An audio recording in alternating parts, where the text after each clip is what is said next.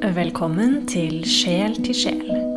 Jeg er Kari Oppsal, klarsynt og intuitiv coach, som hjelper deg på veien mot å leve et liv helt i tråd med din sjels essens.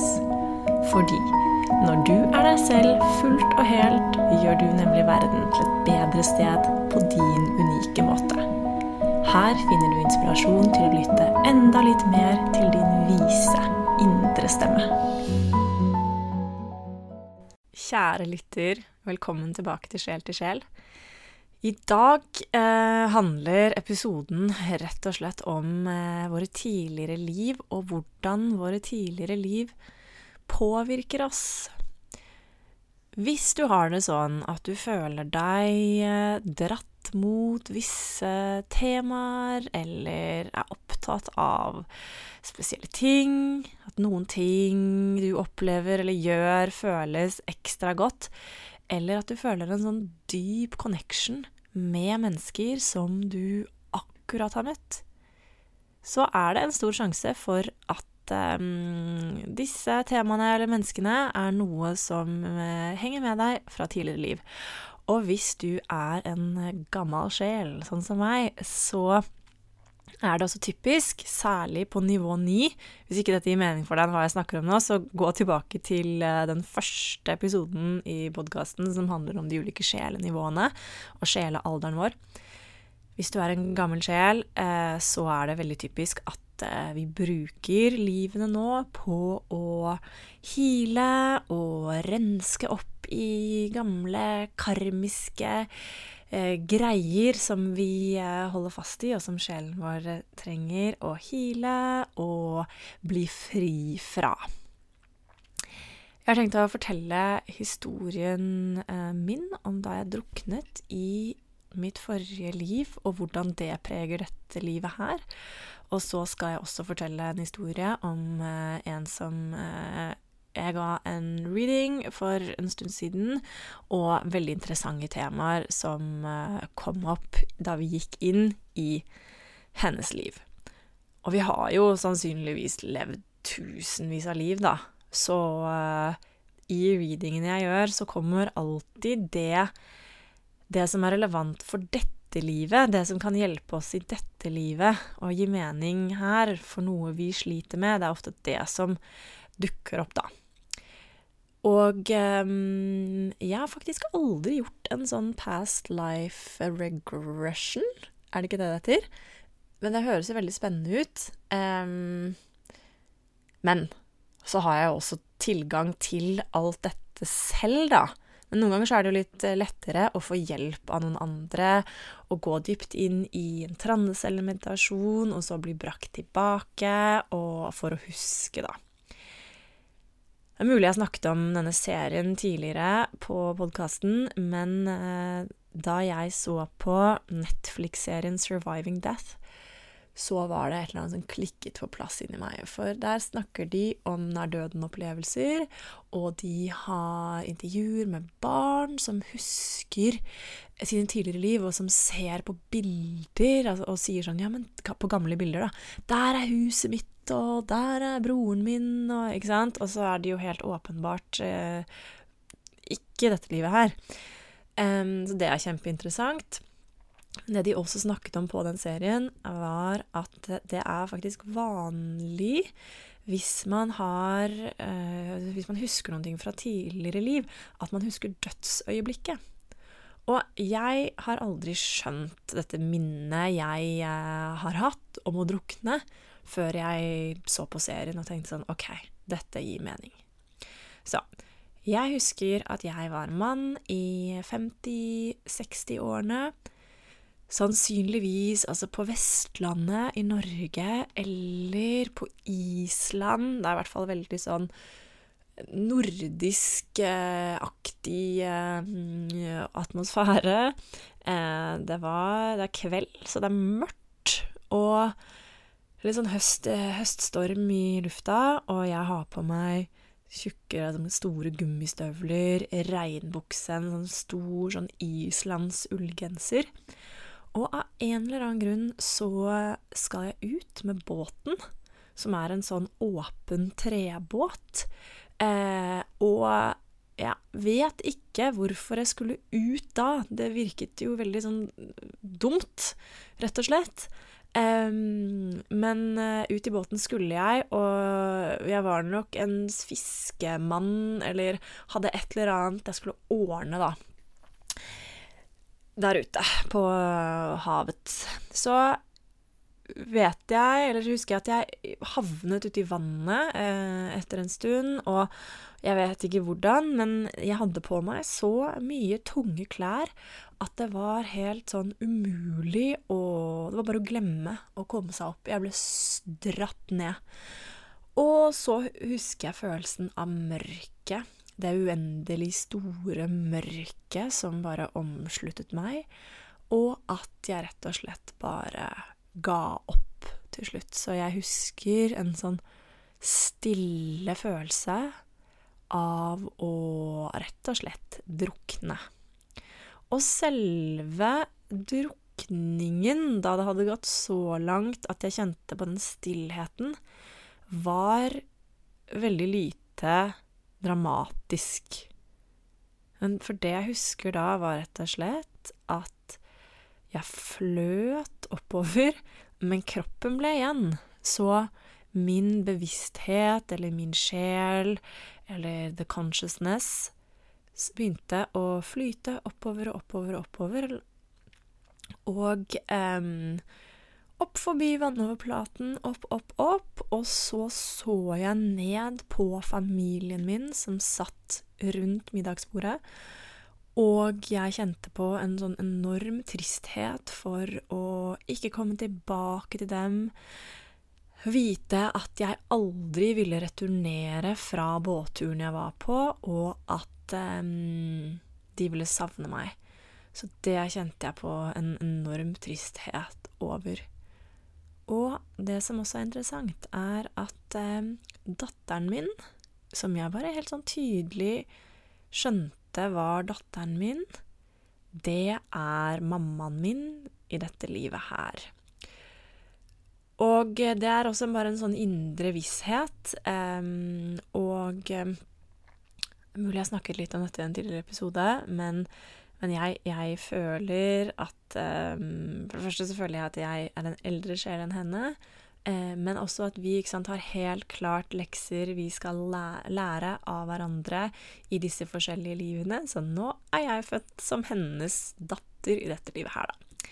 Som er fantastisk. Um, yes. Så jeg um, det er det. Det er minnet, rett og slett. Jeg husker ikke noe mer fra sjelen fløt oppover. Jeg husker ikke på en måte hva som skjedde.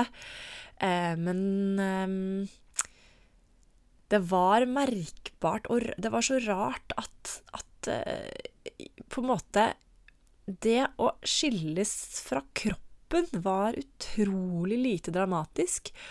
Og det føltes også som at på en måte den bevisstheten jeg hadde da jeg levde, bare fortsatte.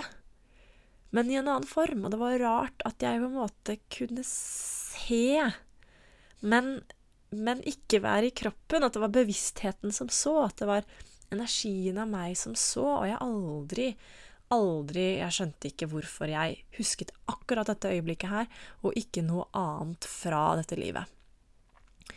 Så, men da jeg så på 'Surviving Death' på Netflix, så ga det her plutselig mening for meg, og da begynte jeg også å ta dette minnet litt mer på alvor som mitt tidligere liv, da.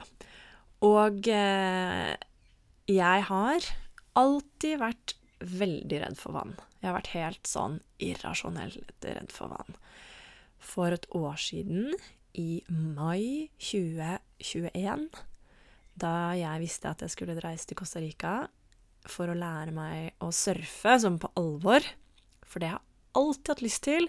Og jeg har visst at for å kunne overvinne vannfrykten min, så er surfing en helt fantastisk måte å gjøre det på. Fordi jeg er en gammel snowboardkjører, og det, ja, det er bare så utrolig gøy eh, å mestre en sport, og man får så mye adrenalin og endorfiner og dopamin og alle gode ting.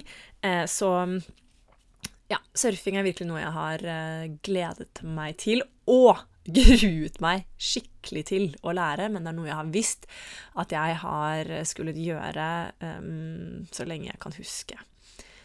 Men det er ikke før nå at jeg føler at jeg har, har, hatt overskudd i livet til å overvinne det som virkelig har vært en av mine største frykter.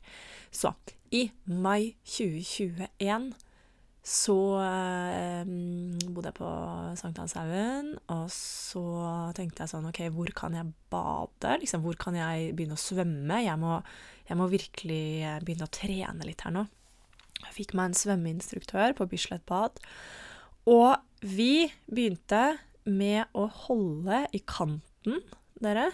Holde, holde meg fast i kanten, og så trekke inn, altså inhalere luft. Og så holde pusten, dukke hodet under vann og blåse ut av nesa. Det var det nivået vi var på. Og um, det er jo helt uh, Altså, jeg skjønner ikke engang at uh, Jeg har faktisk omtrent aldri hatt nesa under vann i livet mitt Jeg alltid syntes at det var veldig ubehagelig, og jeg har uh, aldri skjønt liksom hvordan man blokker av ut vannet. Så jeg har alltid holdt meg for nesa. Jeg har alltid hatt veldig dårlig svømmeteknikk. Uh, og den uh, fortsetter jeg fortsatt å, å, jobbe med. Fortsetter jeg fortsatt å jobbe med. Fint sagt. Uansett, eh, svømmenivået mitt var eh, veldig dårlig for et år siden. Og ved å nå jobbe mot frykten min, dra til Costa Rica og være i vannet, så er jeg helt vanvittig stolt over hvor langt jeg har kommet. Og jeg har brukt forskjellige hjelpemidler for å overkomme denne frykten. Og ikke sant, alt gir mening også, siden jeg faktisk druknet i mitt tidligere liv. Så for meg så har vann betydd død. Det har rett og slett betydd død. Så jeg har eh, for det første sant, gjort alle disse praktiske tingene som å lære å svømme. Jeg har vært på fridykketreninger i Santa Teresa hvor vi har lært å holde pusten og svømme lenge under vann. Og så jeg har møtt frykten min sånn litt og litt og litt og litt, steg for steg for steg for steg. Og rett og slett bare mm, gått på med hornene først, eh, men tatt vare på nervesystemet mitt også da. Og i tillegg eh, hatt surfeinstruktører som har lært meg, og som jeg har følt meg trygg sammen med når jeg har vært ute i vannet. Og jeg har også jobbet mentalt, så jeg har blant annet gjort litt hypnose for å virkelig komme inn i uh, denne her godfølelsen, da. Og i en hypnose jeg gjorde, så kom det fram et nydelig bilde. Og det er rett og slett at uh, sjelen jobber på tvers av liv. Så og når jeg sier jobber, så mener jeg egentlig utvikler seg, da, og vokser og um, ekspanderer på tvers av liv. Så når vi er her nede i dette livet, så er det veldig lett å føle sånn This is it. Men i dette synet så ble det så utrolig tydelig hvordan livslinjen min endte i det forrige livet. Og så eh, kom eh, sjelen min eh, og bevisstheten min ned hit igjen, i dette livet her. Og da begynte det en ny livslinje. Men det jeg så da jeg over Altså når jeg overkommer frykten min, sånn som jeg på mange måter har gjort nå, så er det som at den livslinjen som endte i det forrige livet, blir lagt til dette livet her. Så dette livet her blir enda rikere. Enda mer fargerikt. At det er som at enda mer livskraft kommer gjennom meg, og at Ja, nesten sånn at det tapte livet, det, det tapte forrige livet, kommer tilbake, eller blir lagt på dette livet her på en eller annen måte, med mer styrke, mer glede og mer livskraft. Så var ikke det et helt nydelig bilde? Jeg husker jeg, jeg ble veldig rørt da dette kom opp i, eh, i hypnosen. Og så en annen liten uh, morsom uh, greie da, er at jeg alltid har vært veldig eh, vært veldig til, altså tiltrukket av jernvarehandler, snekkerverksteder. Eh, altså verksteder hvor det er masse ting og tang og masse verktøy og skruer og masse å se på. Jeg elsker å gå rundt på sånn Hva heter den her Hva heter det? Byggmax? Eller dere vet sånne store, store varehaller og butikker med ting og tang. Jeg bare elsker å gå rundt der og titte på alt. Og hvis noen av dere er på samme alder som meg, eller kjenner Gubben Pettersen-bøkene Jeg elsket Gubben Pettersen-bøkene da jeg var liten, fordi at der er det masse tegninger av hans overfylte snekkerverksted. Og jeg bare syntes det var så utrolig gøy å se på alle verktøyene og alt, alt mulig rart. Og så tenkte jeg sånn Hm, men dette her eh, kommer igjen igjen og igjen. Og, og, eh, jeg spør, jeg sjekker inn med guidene mine og spør hva er dette her for noe. Og så var svaret at i dette livet, da jeg druknet, så var jeg eh, snekker.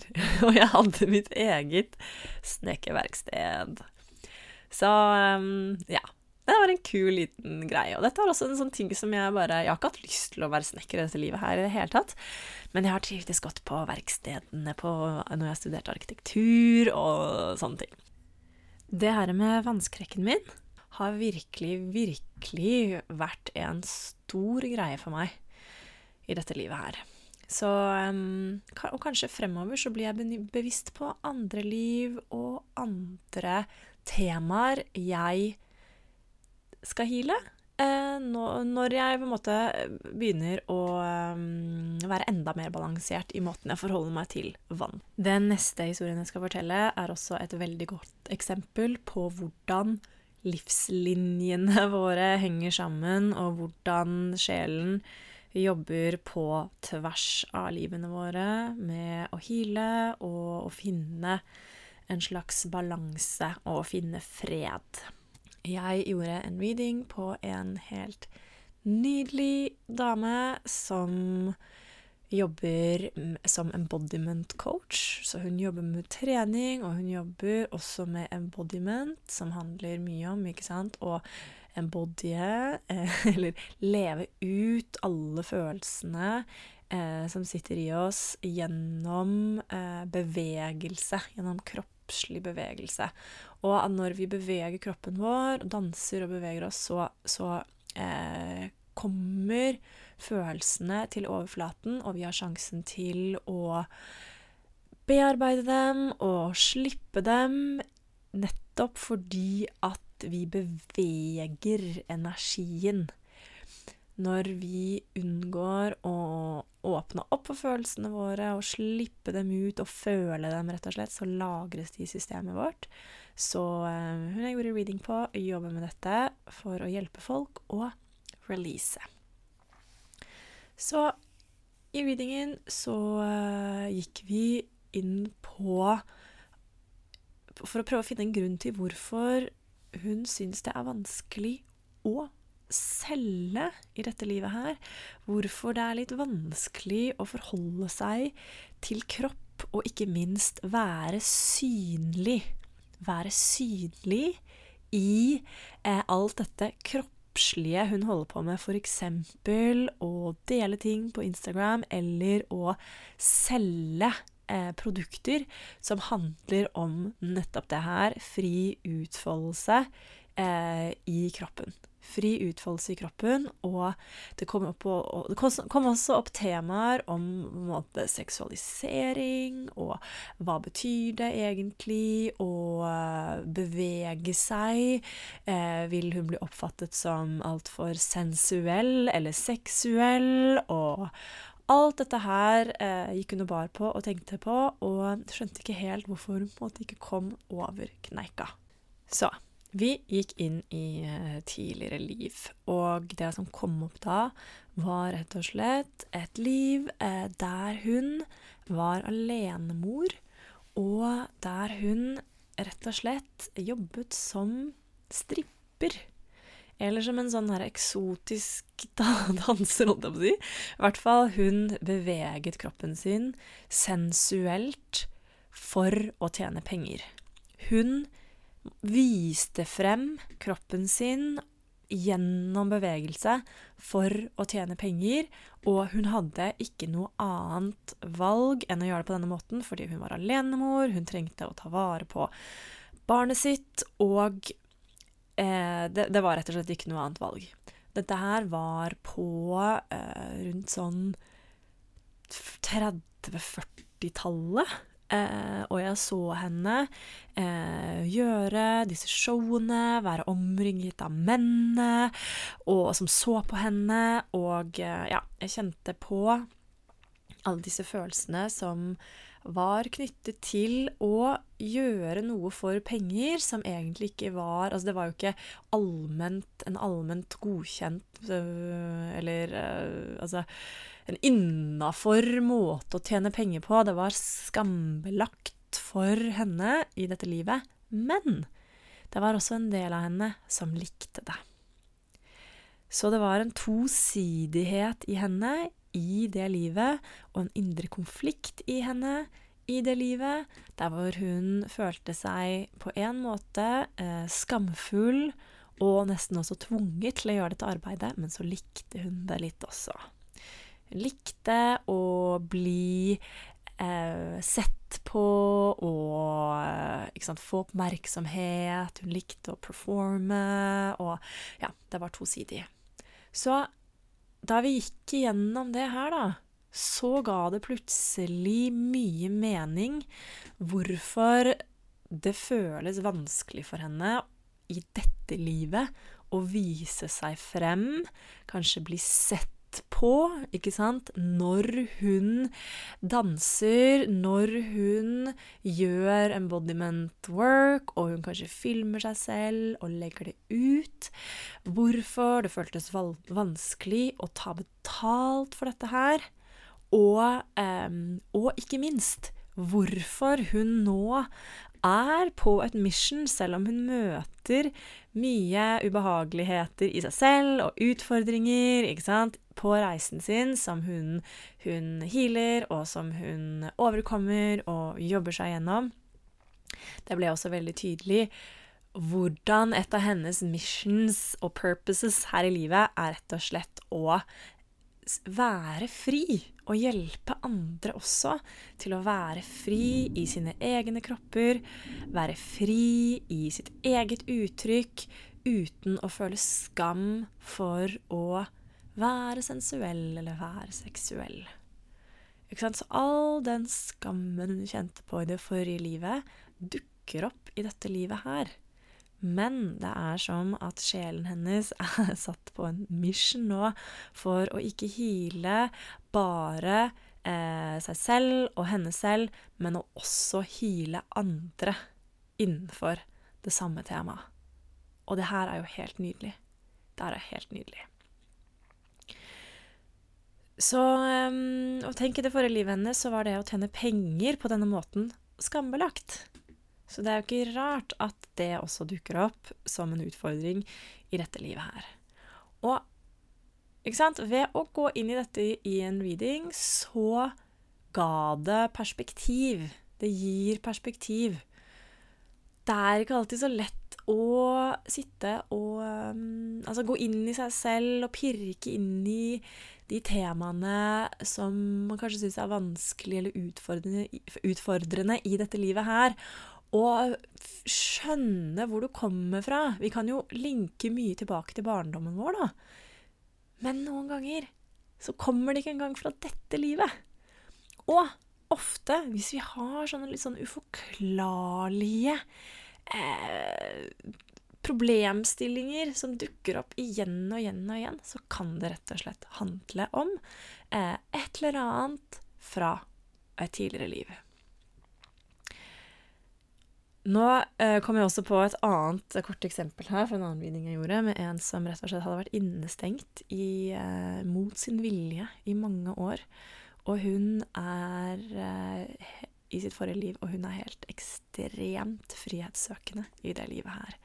Så pendelen skal svinge i alle, alle retninger her, og vi eh, og sjelen vår er eh, i god driv eh, og i god vekst for å hile heale og finne peace og balanse.